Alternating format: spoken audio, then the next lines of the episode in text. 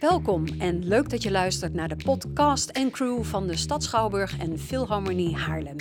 Hier hoor je alles over theater en muziek in Haarlem. Wij zijn Rinske Wels en Micha Windgassen en elke week ontvangen wij verschillende makers. We hebben het over inspiratiebronnen, geheime plannen en succesvolle nieuwe ideeën. Je hoort het hier. Dit is de tweede aflevering van de podcast en crew. Ik ben Rinske Wels, journalist, interviewer, al jarenlang vooral thuis in het theater. En naast mij zit Micha Windgassen. Zij is redacteur en presentator en uh, zij begeeft zich al een tijdje vooral in de wereld van de klassieke muziek. Elke week ontvangen wij een culturele gast. En vandaag is dat Noël Fischer, regisseur en artistiek leider van het Nationale Theater Jong. Dat is de jeugdafdeling van het Nationale Theater in Den Haag. En Noël maakt het liefst fysiek rauwe voorstellingen vol verbeeldingskracht. En ook heeft ze een voorliefde voor controversiële onderwerpen. Noël, welkom. Leuk dat je er bent.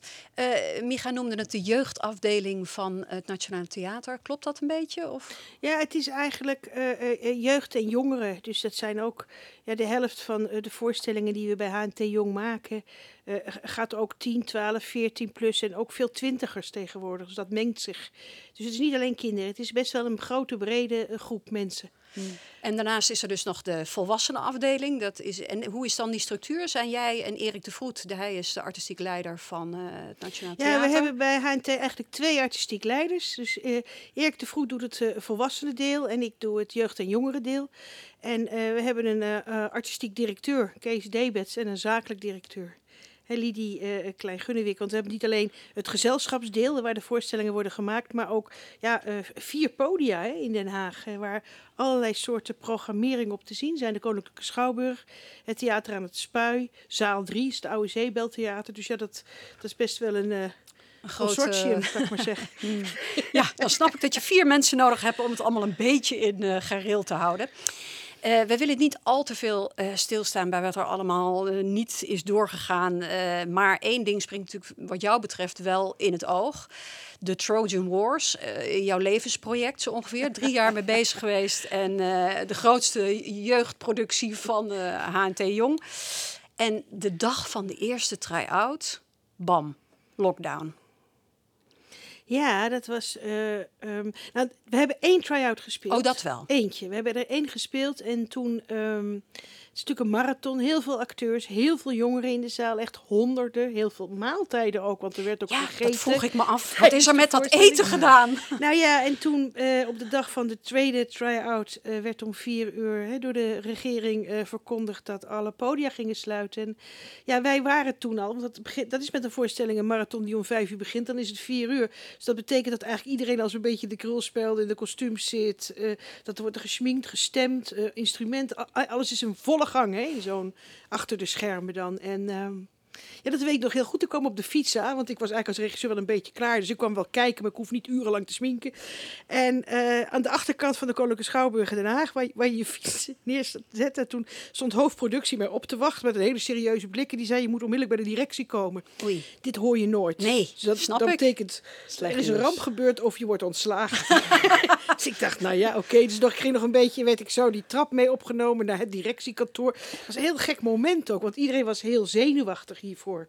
Ja. En ze hadden natuurlijk net besloten, ze gingen dat nu aan mij zeggen. Ja. En ik dacht, wat? Het, op de een of andere gekke manier, je werkt met een hele grote groep mensen als een grote voorstelling. En het is natuurlijk begin maart dan nog. Hè? Dus de hele repercussie van wat er op ons afkwam in, in dit land. had je niet, over de, helemaal niet dit, kunnen nee, voorzien. Dit, dit, nee. Dus we dachten nog, wat moeten we nu stoppen? Maar nou ja, misschien moeten we dan even stoppen. En ik weet nog dat ik tegen mijn directeur Kees David zei... Ja, nou, maar ja, uh, al, al, die, al dat eten staat al klaar. En er stonden al jongeren voor de Schouwburg ook. Ja, die waren dan vroeg gekomen, weet ik veel. En toen zijn we naar het toneel gegaan, want dat leek ons het handigste. En heel veel van de medewerkers voor en, en op het toneel en achter de schermen in de zaal en op het toneel. En hebben we twee toespraken gehouden. Ja, ja wat zeg je? Op, ja, het, ja, het dat weet ik niet. klap. Kijk, morgen ga ik voor het eerst horen wat we toen hebben gezegd. Want we hebben gewoon geïmproviseerd natuurlijk. En ik weet nog dat ik... Uh, ja, ik, ik, ik, moest ook een beetje lachen van de zenuwen. Er waren meer mensen die de slappe lach kregen. Je denkt, dat kan niet waar zijn. Nee, dat snap ik Het is toch niet dat je 2,5 jaar in een project werkt, duizenden eh, eh, eh, mensen spreekt, dat je al die fondsen bij elkaar, al die scholen door heel Dit is niet waar, niet nu, niet nu. En ik stond naast Romana. Romana had haar haar in een netje zitten. Die stond in de badjas. Dat weet ik nog heel Vrede, goed. actrice. En wij hielden, Romana Vrede, actrice, elkaars hand vast. Want dat doe je op zo'n moment, ja. Dat weet ik nog heel goed. Ah. En toen stopte het. En toen met wat er met dat eten is Ja. gebeurd, ja. Ja, je weet het niet, maar we hebben, wij- ik dacht dat eten en zo. Dus we hebben toen met alle medewerkers al dat eten maar opgegeten. dus we zijn ook niet naar huis gegaan met mondkapjes, want dat besef was er nog niet. We Nee, hebben met z'n nee. allen eh, een feestje georganiseerd onderling in de catacomben van de Schouwburg, waarbij we al het eten hebben Dat is ook opgegeten. het beste wat je kan doen, toch? Op zo'n moment. En eh, eh, hebben gehuild en gedanst en Ja. gelachen. En daarna was iedereen thuis op slot. En dan moest alles virtueel gebeuren. Ja, dat weet ik nog heel goed. Ja. Vrijdag is het een jaar geleden. Ja. Morgen. laten we even verder inzoomen Ja. op deze voorstelling. Want ik zei al, je bent er heel lang mee bezig geweest. Je zei zelf 2,5 jaar. Ehm, het is ook niet zomaar een voorstelling. Het is eigenlijk een, een marathon, eh, toch? Vijf uur eh, theater.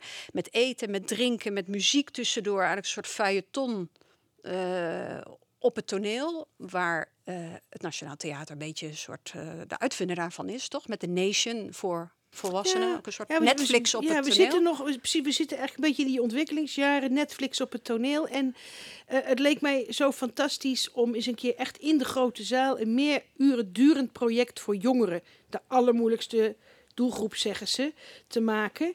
En ook niet even een uurtje, maar dat je gewoon zegt, we beginnen om vijf uur, je bent om tien uur klaar, je hebt drie delen. Eh, er, er is eten, er is muziek ook tussendoor, er zijn optredens. Eh, er zijn allerlei soorten drankjes, dus het is echt meer een soort van festival happening. Maar ondertussen werken we in die, dat hele feuilleton, de hele Trojaanse oorlog door. Ja, ik, ja, Wauw. dat is dan kies je voor de Trojaanse oorlog. Eh, jullie hebben, maken zelf ook een podcast over de Trojan Wars. En daarin is het eind steeds dat iemand in 30 seconden moet uitleggen waar de Trojaanse oorlog over gaat. Nou, dat lukt natuurlijk niemand. Eh, Bram Suiker, de acteur, Ja. ehm, die legt het in een kwartier of zo uit, wat ik al heel knap vind. Eh, waarom wilde je deze voorstelling graag maken? Nou ja, kijk, oorlog is natuurlijk een verpletterend eh, eh, gebeuren. En als je de Trojaanse oorlog neemt, dat is namelijk een oorlog waar we allemaal wel van gehoord hebben, maar die niet op je netvlies staat, want het is lang geleden. Dus je kunt er je verbeelding en je fantasie op, op loslaten en je kunt een aantal grote dingen doen. Je kunt het hebben over eh, jongens en meisjes en mannen en vrouwen. Je kunt het hebben hè, dus over genderconflicten, maar je kunt het ook hebben echt over eh, waar ontstaat oorlog eh, door, maar ook vooral het verhaal vertellen wat nooit verteld wordt. Want het verhaal van oorlog wordt natuurlijk altijd verteld door degene die gewonnen hebben. Wat wij heel belangrijk vonden, Peer Wittebols en ik, De is schrijver. eh, de schrijver van Trojan. Dat is natuurlijk waar we die 2,5 jaar aan gewerkt hebben. Anders denken mensen dat je 2,5 jaar gaat repeteren. Nee, dat is veel te kostbaar. Dat doen we niet. Is al die perspectiefkantelingen.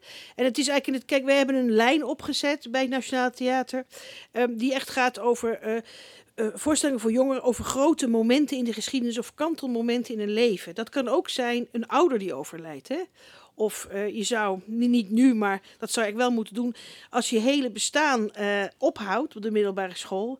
En Ja. je gaat een jaar naar huis en je verliest je hele sociale leven. Ik heb Wat mijn dochter ook, is overkomen. Ja, mijn thuis ook dochter twee ook. pubers. Ik heb Ja. thuis ook twee pubers. Dat is gewoon verpletterend. Ja. En, eh, en dat, die Griekse, ja, omdat ik van die Griekse mythologie hou en er altijd van heb gehouden, maar ook omdat er eigenlijk op dat vlak heel weinig voor jongeren gebeurt. Dus het is heel vaak streetwise en dat snap ik wel, maar het is ook heel goed om die grote klassieke verhalen te pakken en dat dan op allerlei manieren te mengen. Maar was dat ook de boodschap die je Peer Wittebos, de schrijver, hebt meegegeven? Van, joh, haal dat verhaal ook een beetje naar nu. Ja, dat was eigenlijk het vertrekpunt. Hij was er denk ik ook niet aan begonnen als dat. want waarom zou je iets... Ja, je gaat geen voorstelling maken over hoe het leven 5000 jaar geleden was. Nou, hè? wat ik wel mooi Ja. vind, is dat jullie eh, in de eerste twee delen van, eh, van die voorstelling eh, het, het verhaal van Ilias, van de Ilias volgen, van Homerus. Maar Voor dat deel, nog ja. voor een deel. Maar dat, dat Peer dus een derde deel eigenlijk heeft gemaakt met de, de afloop. Van hoe gaat het dan na die oorlog met Ja. al die mensen? Ja, dat klopt. Ja, dat vond ik eh, eh, ook een, een hele goeie, omdat... eh, ehm, het houdt dan ineens heel plotseling op. Hè? De Grieken hebben gewonnen, die gaan naar huis en Troje is verpletterd. Maar ja... En dan? Ja, maar dat is natuurlijk ook waar het echte drama zit. Hè? Wat, ge- wat gebeurt er dan met de mensen die hebben gewonnen en de mensen die hebben verloren en de mensen die tot slaaf zijn gemaakt?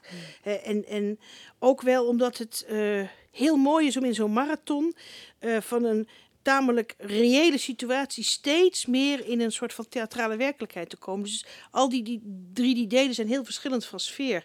Dus het laatste deel speelt zich ook echt af in de, in de onderwereld. He, daar waar de doden en de levenden elkaar opzoeken. He, daar waar je eindeloos kunt jammeren of nooit bevrijding of catharsis vindt. Of juist wel. Ja. Dus er zitten ook fantastische act in. Hè? Bram Suiker en Vanja eh, Rukovina die twee skeletten spelen. eh. dus daar wordt het steeds meer vaudeville en Shakespeare en alles door elkaar heen. Ja. Ehm, ik heb een fragmentje gekozen ehm, uit jullie podcast, eh, waarin eh, Bram Suiker eh, praat met Romana Vrede over close reading. Mijn naam is Romana Vrede, ik ben acteur. Ik speel Agamemnon, ik speel eh Afrodite, de godin Afrodite, en ik speel Charon. Dus, Romana, wat is een close read? Wauw, oké, een close read. Kijk, een close read duurt altijd heel lang. Je gaat, tenminste als ik aan tafel zit en als Bram Suiker aan tafel zit. Je gaat namelijk door het stuk woord voor woord. Je analyseert bijna ieder woord en iedere reactie op dat woord eh, analyseer je. Of je komt met, oh, dit herken ik omdat. Of zou dit, zou dit niet dat en dat kunnen betekenen. Dus ehm, voor ons als acteurs is dat vaak heel prettig, omdat de tijd net even iets langzamer gaat. Je hoeft de vloer nog niet op, je hoeft niet gelijk, zeg maar zo, van alles te kunnen. Je mag gewoon heel even die woorden proeven en wat betekenen ze, of waarom wordt dat gezegd. Of je geeft eigenlijk, ieder woord geef je wat meer vlees en botten. Zo, zo voelt dat voor ons. En dat is heel prettig. En het mooie is, is dat soms geven regisseurs daar heel weinig ruimte voor. En eh, onze regisseur, Noël Fischer, die, geeft daar heel, die gaf daar heel veel ruimte voor. Ja. Dus we hebben bijna, ja, ik denk anderhalve week geclose Zeker. read. Ja, anderhalve week. Ja, en dat, was, dat is heerlijk. Want dan, dan voel je, dat is het moment waarop je, nou ja, eigenlijk, het is een beetje als voordat je aan de marathon begint, dat je dan zorgt dat je genoeg eh, water bij je hebt, genoeg energiedrankjes, genoeg goede schoenen, en dan die marathon kan gaan doen. Ja, je hoorde eh, acteurs Bram Suiker en ehm, Romana Vrede praten over Trojan Wars. Eh, kom terug naar Haarlem. Goed nieuws. eh, op 11 en 12 november dit jaar zal het hier te zien zijn. Noël, ehm, als regisseur, jij bent zowel artistiek leider als regisseur. Je bent van begin tot eind betrokken bij zo'n project. Kun je, kun je wat uitleggen over wat een regisseur precies doet?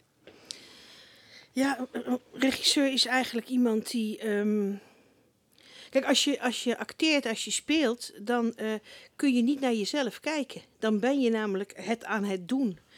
Dus het is heel fijn om in, in, in een project iemand te hebben, want daar begint het mee, die aan de kant zit, of loopt desnoods, ik loop ook veel, en die gewoon feedback geeft. Die zegt, oh, dit moet sneller bijvoorbeeld, of jongens, we raken hier de kern niet, of deze scène duurt eindeloos, of eh, het contrast is niet helder, of eh, eh, ik kan je niet verstaan. Of eh, je stem is te, te zacht, zei ik vanochtend nog. Eh, dus is eigenlijk ook iemand die feedback geeft. Maar ehm, als artistiek beroep is het ook... Ja, wat ik eigenlijk doe is... ik ben heel veel bezig met wat gebeurt er in de wereld om me heen. En vanuit de Jong ook heel erg met dat je theater maken voor kinderen en en jongeren van nu. Over het leven van nu. Dus ja, ik ben dan nu bijvoorbeeld heel erg bezig met ehm, al die eh, eh, problemen rond eenzaamheid en verloren zijn. Omdat je hele sociale systeem van kinderen en jongeren wegvalt. En of we daar dan niet iets mee moeten of over moeten doen. Ja. Dus dat aspect zit er ook aan. Ja. En dan verder, ja, als artistiek leider, want Hein de Jong is best groot. Dus ik heb ook een hele club jongere eh eh, je moet makers, coachen. talenten. Ja. Ja, coachen ook, maar ook gewoon kansen voor mensen creëren of combinaties maken. Dus dat je denkt, oh, die regisseur met die acteur of met die Ja. beeldend kunstenaar of die voorstelling eh, gaat daar spelen of we, we nodigen haar uit om dat te doen. Zodat je ook een heel ja, menukaart eigenlijk maakt voor je palet. publiek. Een Ja. breed palet aan verschillende dingen en combinaties daarin. Ja. En als je nou, Romana Vrede zei net bijvoorbeeld dat jij veel ruimte geeft voor close reading. Wa- Wat voor soort regisseur ben jij op de vloer? Want er zijn er die een heel beeld in hun hoofd hebben vooraf. En nou zeg ik het even oneerbiedig, de mensen als poppetjes neerzet. eh, zo moet het. Of, of ben jij iemand die het op de vloer laat ontstaan, zoals ze dat zo mooi zeggen. Dus door improvisatie van acteurs, hun eigen inbreng. Ja, ik, ik denk dat ik als regisseur eigenlijk een soort van schilder ben. En als een schilder werk ik met het materiaal. En dan ga ik ook uit van het materiaal. Dus, en ik verveel me snel. Dus als ik van tevoren al weet hoe alles gaat worden en wat iedereen gaat doen, dan hoef ik er eigenlijk niet meer aan te beginnen. Dat vind ik ja, persoonlijk saai. En ik vind niks is zo leuk om heel goed te kijken naar je spelers of naar je dansers of je muzici. En echt te zien wie ze zijn, hun persoonlijkheid, wat ze kunnen. En daar het allermooiste en beste uit te halen. En natuurlijk is het dan niet zo dat ik totaal niet weet waar we aan beginnen die dag. Ik weet dan wel echt waar die scène of dat moment over gaat. Maar dat is op een soort van gevoelslaag. Ik hoef 's ochtends nog niet te weten waar ik om vier uur be- ben. Dat, dat is gewoon saai. Dan hoef ik dit niet te doen. Ik doe dit ook, dit soort van werk, omdat ik een heel nieuwsgierig mens ben. En eigenlijk een soort van research doe. Een soort van archeologie. Maar dan naar emotie, naar de ziel. Dus ja, ik geef heel veel ruimte, omdat het met zo'n goede club acteurs ook zo leuk is. De discussies, de gesprekken. Maar weet je wat het ook is? Ehm, het zijn natuurlijk totaal geen marionetten. Het zijn gewoon hele fijn gevoelige, getalenteerde instrumenten. Dus die moeten ehm, hun eigen fantasie meenemen. Die moeten zelf worden aangesproken. Zodat ze als het ware al gaan spelen, gaan vibreren, voordat ik de toon ga maken. Dus je palet is heel groot, hè? Het is een soort van heel groot orkest met een marathon. Ja. En dan zijn de trompetten ah, ah, ah, en dan de violen. En dan alleen even de piano. Dat is natuurlijk ook de lol voor de regisseur, omdat Ja, je zo'n ja. groots verhaal kunt vertellen. En nu, want dat is ook misschien wel goed om te zeggen, het is meer dan een toneeltekst. Hè?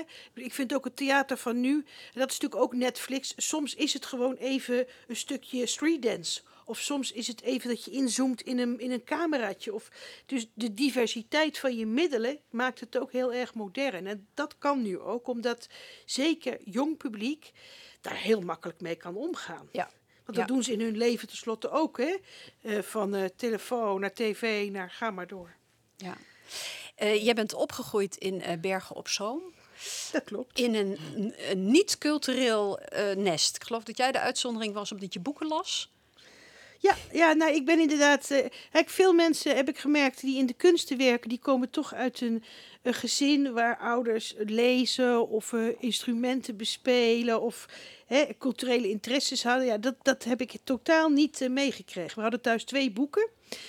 Ehm, ja, die hadden we. En eh, voor boeken moest je dus naar de bibliotheek. En kijk, al mijn interesses. Ik wilde ooit eh, een instrument spelen. Dat was belachelijk. Dat ging niet gebeuren. Viool wilde ik, maar dat, nee joh.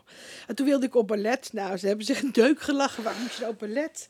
En ik ben eigenlijk met theater in aanraking gekomen door een hele ehm, eh, fanatieke en, en relaxte leraar Duits. Die zelf heel erg van kunst en theater hield. En die had een soort van clubje opgericht. Ja, dat heb je dan nog. Een soort van poëzieclubje. Oh, waar ja. die leerlingen terecht konden die van gedichten hielden of van films of van theater. Had hij jou daarvoor gevraagd? Hij dacht misschien nou wel, vindt dat wel Ja, hij had mij daarvoor gevraagd omdat ik een, een, ja, een onhandelbaar kind was. Dat begreep ik later in de klas. Dus, Gaan we eh, poëzie proberen. eh, ja, nou ja, ik, ik was tamelijk onhandelbaar tot ik op een gegeven moment een of andere opdracht kreeg over een gedicht. En toen schreef ik daar ook echt 23 A4'tjes Oh, over. En toen heeft hij schijnbaar gedacht, oh, het is niet zozeer een, eh, iemand die mijn les probeert te verstoren. Het is gewoon iemand met hele specifieke interesses. Gewoon dat, dat red je natuurlijk worden. ook als kind. Het is heel fijn als je wordt opgepikt, alsof mensen zien dat je misschien daar... Hmm. Dus ja, daar, en dat is soms ook goed om te vertellen, omdat ook heel vaak kinderen en jongeren denken dat theater of kunst alleen maar voor eh, speciale kinderen is. Hè? Of dat je daarvoor geleerd moet hebben, Hmm. of dat je, dat je ouders dat ook moeten kunnen. Maar dat is dus echt niet zo. Dat hoeft niet. Heeft dat jou ook misschien extra gemotiveerd juist Tuurlijk, om te ja. doen wat je ja, nu doet? Dat denk ik wel. Ik denk ook dat het heeft bijgedragen aan mijn eigen missie om eh, zoveel mogelijk kinderen en jongeren eh, te bereiken. Hè. Ik, ik roep in Den Haag ook altijd als ehm, iemand, eh, een jong iemand die opgroeit in Den Haag, want ja, daar zit natuurlijk mijn gezelschap, in ieder geval twee keer in de fase tussen 4 en 20 HNT jong meemaakt, dan ben ik in ieder geval daarin geslaagd. Ja. Dat zou je natuurlijk wel voor het hele land willen zeggen, maar dat is gewoon fysiek onmogelijk. Hmm. En gelukkig heb ik ook collega's, dus dat vind ik wel. Ja. Maar eh, ehm, eh, je bent begonnen als, als schrijver en dramaturg. Moesten je ouders toen ook nog lachen? Wat vonden ze van je keuze om dan toch dat theater in te gaan? Die theaterwereld. Ehm, nou ja, ik was de eerste in, eh, in mijn omgeving die kon studeren, heette dat dan. Die dus naar een universiteit mocht, kon ook. En eh, nou ja, dus ik ging toch minstens advocaat, rechter of dokter worden, want dat was het idee. En toen had ik me stiekem ingeschreven voor theaterwetenschap in Oh, Utrecht. daar wisten je ouders niks van. Nee, nee, en ik wist eigenlijk ook helemaal niet wat theaterwetenschap was. En ik wist ook helemaal niet dat je ook naar een regieopleiding... Snap je, dat wordt je niet verteld als je daar niet vandaan komt. Ik had gewoon, oh ja, het kan ook theaterwetenschap studeren. Had die leraar Duits gezegd. Ik dacht, dan ga ik dat studeren. Dat moet ik natuurlijk gaan doen. Je Ik had ook nog getwijfeld over archeologie, maar dat duurde heel lang. Tien Oh ja. jaar. Oh, dat was dat Laat maar. dan heel lang. Nee, en daar hebben we daar wel een hele forse ruzie over gehad. Dat heb ik een week niet gegeten. ging een hongerstaking. En toen zei hij, nou ja, mijn vader, als je dat dan per se wil doen, probeer het maar, maar je zult je hele leven droog brood vreten. Dus het valt best wel mee met het droog brood overigens. Hoor. Ja, maar, nu wel, maar... Daardoor had jij wel- extra motivatie om Ja, te denken, hallo. ja, maar ik Maar dacht, je, in, in het begin was je freelancer, dan heb je ook best, dan is het best Nee, maar toen ik theaterwetenschap studeerde, dacht ik helemaal niet, ik word regisseur. Ik dacht gewoon... Nee, toen ik, ik hield van theater en ik dacht, daar wil ik bij horen. Daar wil ik deel van uitmaken. Dat had ook gekund als eh kaartjesknipper of zo. Pas toen ik eh theaterwetenschap studeerde en stages ging lopen... En dacht ik op een gegeven moment, oh, het is leuk om in te gaan werken. En toen ben ik gaan schrijven, bewerken. En pas gaandeweg, dus pas toen ik een jaar of dertig was... kwamen de eerste dingen op regiegebied. Mijn kant op ook. En omdat ik natuurlijk eh, met die eerste regies ook best veel succes had. En dat paste me als een jas. Ik weet dat ik mijn eerste regie deed en dat ik dacht, oh, maar dit, dit kan ik gewoon vanzelf. Wat goed. Heel stom, hè? Maar dat was Ja, wat heerlijk juist. Ja, en ik Ja. dacht, oh, kijk. Ik zit op Dus een het is meer zo gegaan. En ik zeg dat ook omdat ik ook weet, ik geef zelfs ook wel eens les op regieopleidingen in Nederland. Hè. Veel echt jonge mensen, begin twintigers, hebben dan wel een enorme ambitie en drive, maar ook een grote angst. Omdat het toch het idee is, je moet jezelf heel snel bewijzen. Je bent maar even interessant en dan moet je er zijn. En ik probeer altijd eh, dat ook een beetje te temperen. Zodat we ook een jonge generatie de kans geven zich gewoon op een eigen adem te ontwikkelen. Hmm. Het gaat er niet om dat je de hele tijd succesvol moet zijn. Nee, mag ook best wel eens wat mislukken, toch? Eh, Ja, dat of is die ik- ruimte er bijna niet? Nee, ja, dat vind ik natuurlijk ook dat er best wel eens wat mag mislukken. Maar ik vind wel dat de afgelopen, ja, zou ik zeggen, 15 jaar die marge steeds eh, smaller is geworden. Hè? Dus jonge mensen moeten snel zogenaamd succesvol zijn. Terwijl je eigenlijk moet zeggen, geef jonge mensen gewoon de kans minimaal 10 jaar om te mislukken, om te innoveren, om rond te klooien, zeg ik altijd. Het is heel belangrijk hè, dat Ja. je dat... eh, het gaat er namelijk niet altijd om of je succes hebt, maar of je eh, iets, ehm, iets bereikt bij je publiek. Of je een impact daarin hebt. Ja, want daarover gesproken, we zeiden het al even in de, in de vooraankondiging, je houdt wel van controversiële onderwerpen. Ehm, wat is controversieel in, jou, in jouw ogen? Ja, dat En- zijn natuurlijk altijd de woorden van andere ja, mensen. nee, precies. Die dan zeggen dat is heel controversieel. Ja, Kijk, Hoe zie je dat zelf? ik, ehm, ik denk wel dat het heel goed is als je in voorstellingen altijd momenten of scènes hebt die pijn doen. Of waarin je op iets drukt eh, eh, waar een zweer zit of een vrat. Dat is denk ik wel een hele goede functie van een theatermaker. Dan kan je niet een hele voorstelling doen, want dan raakt het publiek ook heel erg geïrriteerd. Maar het is wel goed om dat niet uit de weg te gaan. Eh, ik zeg ook altijd, harmonie is dodelijk. Voor, trouwens ook voor iedere scène. Iedere scène die harmonisch is, dan val je binnen vier minuten bij in slaap. Dus je moet altijd wel het conflict, conflict. opzoeken. Ja. Of Hmm. ja, ik zal maar zeggen, ook dat materiaal opzoeken of die vraag stellen die anderen over het hoofd zien of liever niet stellen. Ehm, met een zekere mate natuurlijk, want je moet wel ook in contact en, en in communicatie blijven met de mensen die in de zaal zitten. Ja. Maar waar haal je inspiratie vandaan? Je zei net al, ik heb twee pubers eh, thuis. Eh, nou, dan ligt het materiaal voor het oprapen, zou ik Ja, zeggen. dat is ook zo, maar grappig genoeg. ehm, kijk, ik ben niet spe- specifiek begonnen als eh, theatermaker voor kinderen en jongeren. Ik heb heel lang ook voor volwassenen gewerkt, eigenlijk langer. Denk ik, of misschien nu even Nou. lang. En dat loopt dus een beetje door elkaar heen. Dus dat is eigenlijk niet per se leeftijdsgebonden. Ja, ik haal heel veel. eh, Ja, maar ook uit social media, uit nieuws. Ik ben een nieuwsjunk. eh, qua kranten en, en media. Dus het, het- ook heel veel impulsen die op je afkomen. Dat, dat klinkt misschien een beetje vaag, maar je bent daar best. Het is een soort van ehm, levensstijl. Het is, je, je- ehm, als ik nu eh, vandaag ontslagen zou worden en ik zou nooit meer een voorstelling maken, dan zou ik toch thuis nog steeds schrijven, tekenen, dan zou ik nog steeds dingen maken. oh, dat bedoel ik eigenlijk. Dat gaat dus eigenlijk door. ja. Altijd, eh, Altijd, door. schijnbaar. Ja. En heb jij, zou je kunnen z- zeggen dat je een bepaalde handtekening hebt van, nou, die voorstelling, dat is nou een echte Fischer. ja, dat zeggen ze van mij. Maar dan ga jij mij vragen, wat is die Ja, handtekening? wat zit, waar zit hem dat dan in? Ja, waar zit hem dat- in? Nou ja, ik hou heel erg van contrast. Ik hou heel erg van zwart-wit of, of ik kan ook zeggen rood-groen, hè. Maar ehm, Door de dingen in contrast te zetten, de scènes, de emoties, ontstaat drama. Ehm, dus daar hou ik van. Hele wonderlijke, harde overgangen. Eh, van heel groot en lawaaiig naar heel klein en intiem. Eh, ik hou van grilligheid. Ehm, daar hou ik ja, van. Dat is, misschien zit daar wel een handtekening in. Maar het is natuurlijk heel moeilijk om dat van jezelf te zeggen. Want die handtekening maakt is, dan gewoon. op zichzelf ook natuurlijk niet statisch. De, de Nee. dingen staan niet stil, hè? Als het goed is tenminste. Die bewegen als het ware Ja. mee. Ja. Ja, Noël, we hebben jou ook gevraagd om, eh, om, om na te denken over een cultuurtip. Iets wat we nu zouden kunnen zien of horen. Iets wat nu online staat of iets wat binnenkort eraan komt. Is er iets wat je met ons wilt delen? Ja, daar dacht ik dus over na. Want het is natuurlijk best ingewikkeld, omdat al die voorstellingen op dit moment niet te zien zijn. Hè? Maar toen dacht ik, ik ga misschien Romana Vrede tippen.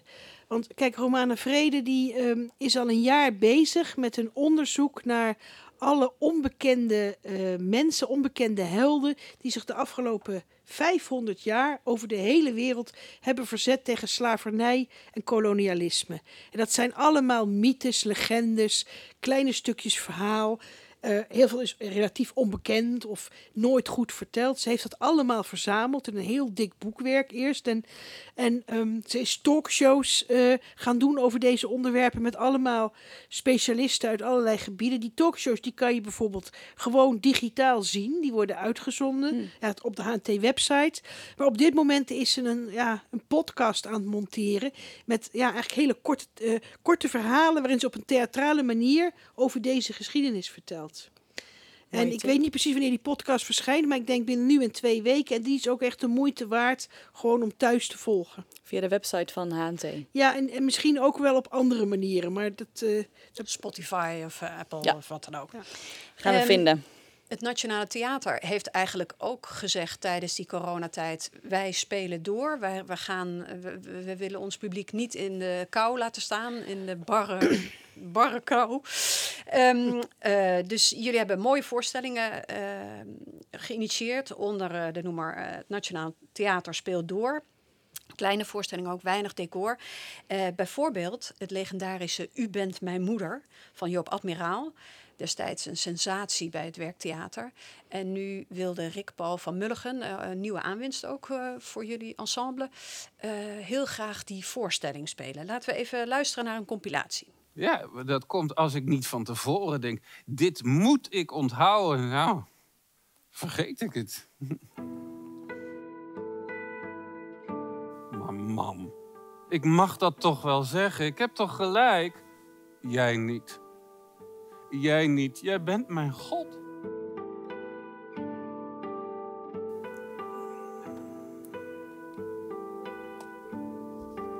Oh, ja, oh, nou kan ik jou zien. Heb ik toch gespeeld met jou, hè, toen je nog zo klein was. Ja, jij lijkt op mij. Til die maar even op. Even op, even optillen, even optillen. Kom maar, ja, zo. Het zo. Zo, zet maar neer. Ja, natuurlijk. U woont hier toch al drie jaar. Komt toch iedere zondag? Dus als u denkt dat u geen bezoek krijgt, moet u maar naar die bloemen kijken. Dan weet u dat u wel bezoek krijgt. Wat fragmentjes uit U bent mijn moeder eh, van Joop Admiraal, maar nu gespeeld door Rick Paul van Mulligen. En hij speelt dan zowel de zoon als zijn demente moeder in eh, het verzorgingstehuis. Eh, wat, waarom wilden jullie dit stuk doen, Noël? Ja, we hadden eh, toen we met alle grote voorstellingen heel plots moesten stoppen en eerst allemaal twee weken misselijk op de bank lagen. Ook het, wilden we ook gewoon iets gaan doen. Maar we wisten natuurlijk dat moet klein zijn en we mogen niet met veel mensen in een ruimte repeteren. En ehm, Erik de Vroet, ehm, de andere artistiek leider, die zei: iedereen gaat materiaal zoeken wat iets zegt over de tijd nu en eh, waar je een connectie mee hebt. En Ehm, het grappige is dat Rick Paul van Mulligen en ik, los van elkaar, wij kenden elkaar eigenlijk nog niet. Ja, we hadden één keer samen geloof ik in de jury gezeten. Alle twee met eh, U bent mijn moeder kwamen.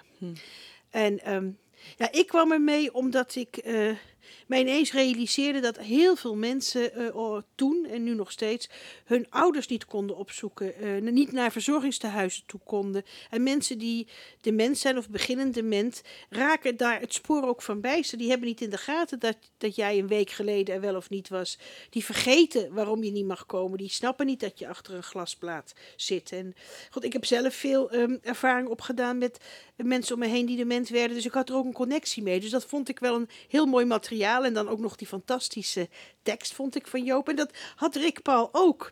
En toen belde Erik en die zei, nou, Rick Paul wil het ook. Die, die is ook heel enthousiast. Dus jullie gaan maar even samen dan iets doen. Zo gaat dat dan. Ja. En toen hebben wij een lezing gedaan en een match gemaakt. En lezing nog echt via de computer in het begin. Ieder achter een ander schermpje. En uiteindelijk, ja, in repetitielokalen hebben we deze voorstelling gemaakt. Hoe lang En- heb je daarover gedaan? Ja, best wel kort. Ik denk uiteindelijk maar drieënhalve week. Want dan ging ik allemaal in een hele korte snelkookpan. En Ja. kijk, hier is natuurlijk ook heel bijzonder. Hè, Rick Paul, die best wel een grote, lange man is. Hè, in die zin speelt dan een vrouw.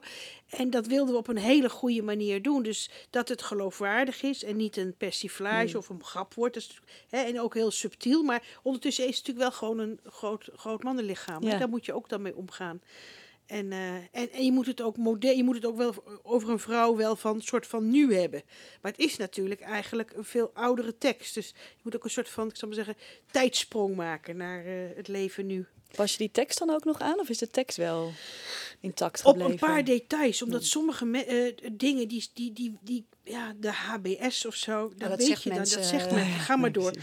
Muzieknummers pas je aan. Je past dingen Ja. aan, omdat anders dan denk ik, ik weet niet Waar waar, heb je het over? dit? Ja. Ja, dat. Maar Ja, niet, alleen dat. Niet, natuurlijk niet is een essentie. Hmm. Niets is een essentie. We vragen ook elke week aan een luisteraar eh, of die misschien een vraag heeft voor de gast die we deze week hebben. En eh, vandaag eh, wil Roos Naves graag weten: wat is de waarde van theater voor jongeren? We hebben er al even aan getipt, maar misschien kun jij Roos een goed antwoord geven. Wat is de waarde van theater voor jongeren? Ehm, kijk, heel veel jongeren eh, eh, groeien op met relatief weinig directe cultuur om hen heen. En het, kijk, wat, wat theater eh, onder andere kan doen, op een hele krachtige manier, is je in, de wereld van een ander laten zien en je in die wereld meenemen.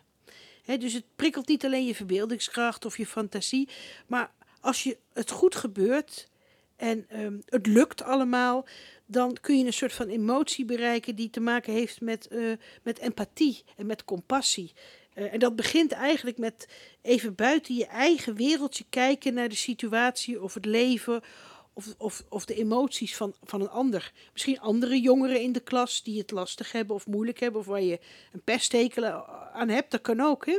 Dus op dat basale niveau, dat is misschien wel het allerbelangrijkste. Je kunt het ook hebben over cultuur overdragen en de grote verhalen van waar je vandaan komt. En dat is ook allemaal heel belangrijk. Hè? Maar ik bedoel, als ik iets wel heb geleerd in mijn carrière als maker, is ehm, als je een groep jongeren voor elkaar krijgt, dat ze zich emotioneel met elkaar verbinden, omdat ze erkennen dat eh, ehm, andere mensen ook een visie hebben of ook een emotie hebben, is dat superbelangrijk. Nou, dat- dat, dat blijkt ook uit onderzoek. Als we meer weten van bijvoorbeeld eh, immigranten, dan, ehm, dan zijn we, vinden we ze ook meteen een stuk aardiger. Ja, nou ja, het, het belangrijkste is natuurlijk om, om, om jongeren in die zin gewoon een menselijke bril op te laten zetten. En ik, ik heb zelf thuis jongens, ik mag het zeggen. Die bril van jongeren is natuurlijk heel vaak heel hard. En heel zwart-wit. En heel veroordelend, omdat ze gewoon heel druk bezig zijn hun eigen identiteit te ontwikkelen.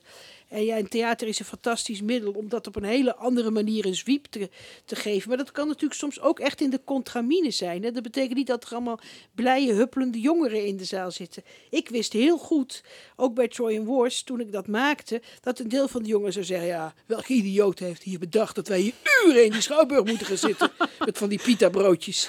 Maar dat is wel heel leuk om ze daarin te triggeren ook. hè. Het hoeft niet altijd makkelijk te zijn. Het is ook leuk om te zeggen: Nou, kom maar op, wat gebeurt er dan? Heb jij in die zin eh, ingehaald wat jouw eigen ouders niet hebben gedaan? Heb jij jouw jongens wel eh, vanaf jongs af aan bijvoorbeeld Meisjes. meegenomen? Oh, sorry, meisjes. Ja, ik heb ze heel veel eh, meegenomen. Dat klopt. Ja, totdat ze op een gegeven moment wel eens zeiden: Oh, nou niet weer naar het toneel vanavond. ja, Eh, maar ze werken eigenlijk alle twee niet in de. In de of of ze, ze zijn wel met cultuur bezig, maar niet per se beroepsmatig. Maar dat is op zich niet erg. Ik, de- ik heb ook heel veel vriendjes en vriendinnetjes meegenomen. Omdat ik altijd wel weer ergens eh, lege stoeltjes wist of aan kaartjes kon komen. Dus ik heb ook die taak voor heel veel andere kinderen in mijn buurt. eh, Het goede ambassadeursrol voor Ja, ja, een beetje een ambassadeurschool. Dat is belangrijk, hè, dat je wordt meegenomen. Want ook een kaartje van 7,50 is voor sommige mensen hè, dan te kostbaar. Dus dan is het leuk als, nou ja, als je dat op je neemt. Ehm, nog een voorstelling onder jouw regie die eh, eh, tussentijds gestaakt moest worden. Dat was eh, Erik of het Kleine Insectenboek. Een beroemde boek van eh, Godfried Bomans. Wordt ook weer hernomen. We hebben een fragment en daarin hoor je actrice Soumaya Agwawi en Mark Rietman.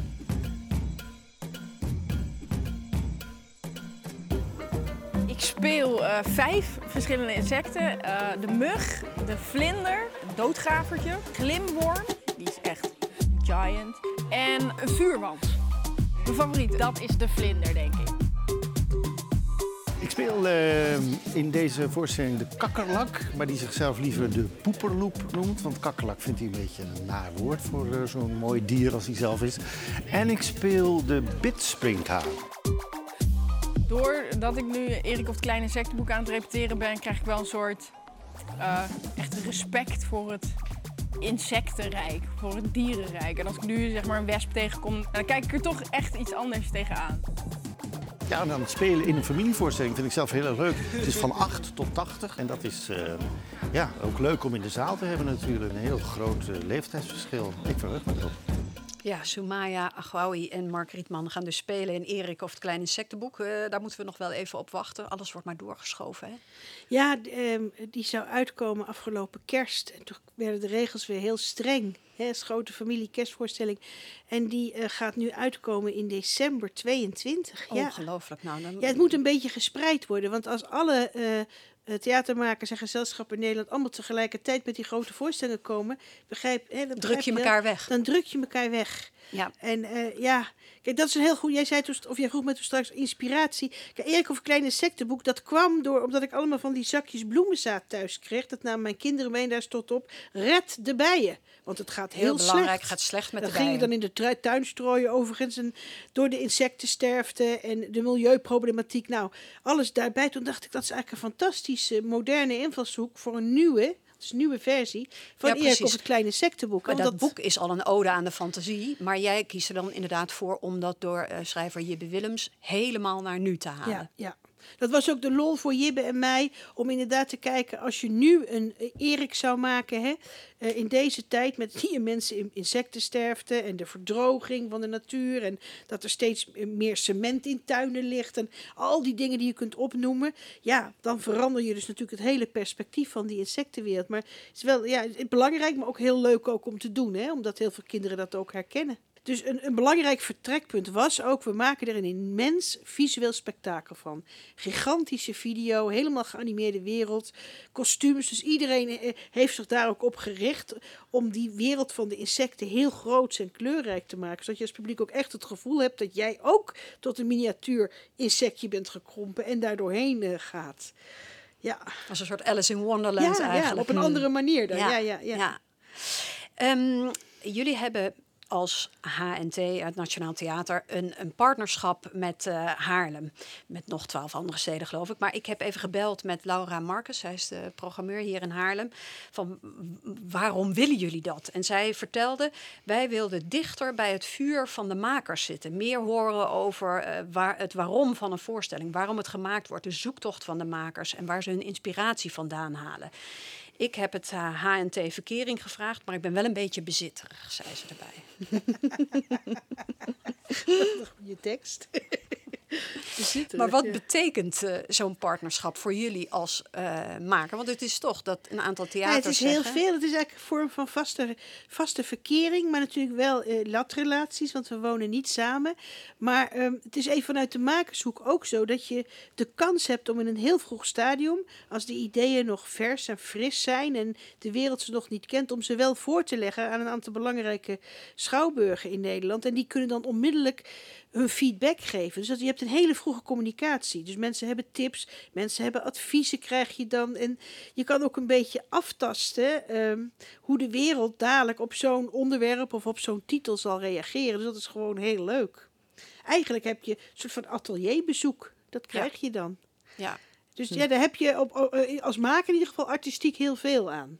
En soms krijg je, heb ik nog niet gehad, maar ik weet wel van een andere collega die waarvan de schouder zei, nou, dat moet je niet doen. Dat vinden wij een heel slecht idee. En wordt het dan ook meteen Nou, het is van het wel, tableau maar daardoor ontstaat dan wel de discussie opnieuw artistiek. Waarom vindt men dat? Hoe komt dat dan? Hebben we het, presenteren we het niet goed of is het geen goed idee? Of moeten we het anders aanpakken? En dat is natuurlijk wel, wel het is beter dat we dat nu voeren dan, hè, dan dat dat eh, twee jaar later, want het is twee, tweeënhalf jaar later voor zo'n voorstelling wordt gemaakt. Hè? Dat het, eh, wij moeten altijd jaren vooruit plannen in Nederland, daarom. Wat staat er verder nog op je bucketlist, vroeg ik me af. Oh, op een bucketlist. Nou, ik, ik Qua nu... stukken te maken. hè? Ja, een hele eh, eh, ja, totaal idiote improvisatieachtig spektakel voor. Dat heet Queer. Gaat over alle vormen van queerness in een, in een ja, showy. eh, en ik dacht deze week, eigenlijk wil ik daar een hele vette Cadillac-achtige auto op het toneel hebben. Dus dat we ook een soort van auto hebben die ook die kan draaien voor wat intieme momenten. Met veel cameraatjes. Ik was daar, ik vind dat een fantastisch onderwerp. En ook een onderwerp waar echt veel aandacht voor moet komen. En ik vind het dan nu heel leuk om over alle ingangen en materiaal te verzamelen. Interviews en gesprekken met mensen te voeren. Dus in zo'n fase ben ik nog. Maar ja, wat zit op mijn bucketlist? Ja, eigenlijk nog superveel. Hele grote Shakespeare. Heel leuk. Wel natuurlijk ook wel naar nieuw getrokken. Eh, ja, misschien ook Ja, een en grote Hamlet zie ik jou wel doen. Want is natuurlijk, Hamlet is ook nog een kind in feitelijk. In het stuk. Ja, Hamlet is eigenlijk natuurlijk, het is wel misschien al wel een beetje te vaak gedaan. Daar moet ik even over nadenken. Maar het is natuurlijk wel gewoon eigenlijk een puberrol. Hamlet is een puber. Ja. Ja. en ik heb een grote liefde voor Bollywood, hè. Bollywood films, Bollywood cultuur. Dus ja, daar, da- daar wil ik ook graag dingen mee doen. Om, ja, ik hou gewoon heel erg, dat zal wel mijn volkse achtergrond zijn, van dansen en zingen op het toneel. En dat dan met z'n allen. Je leeft gewoon wat, je droom wat vroeger niet mocht van je ouders. Dat ga je Ja, nu allemaal... nou ja, eh, ja. Maar eerst nog eens even ja. genieten van eh, Trojan Wars, wat er eindelijk aan gaat komen binnenkort. Laten we het hopen. Ik kan niet Dankjewel, wachten. eh, Noël, voor Ja, dit dank gesprek. jullie wel ook voor dit leuke gesprek. Leuk dat je luisterde naar de tweede aflevering van de podcast en crew van de Stad Schouwburg en Philharmonie Haarlem. De presentatie was in handen van Micha Windgassen en Rinske Wels. Onze gast was Noël Fischer van het Nationale Theater Jong. En volgende week zijn we er weer. Dan is onze gast cabaretier Freek de Jonge. Zijn verkiezingsconferentie De Loterij is net uitgezonden op televisie, maar wij zijn heel benieuwd wat hij nog meer voor plannen heeft. Eh, mocht je nou een vraag hebben voor Freek, laat het ons dan vooral weten via de site theater-haarlem.nl of via onze socials. En wellicht stellen we jouw vraag volgende week in de podcast en crew. Tot dan!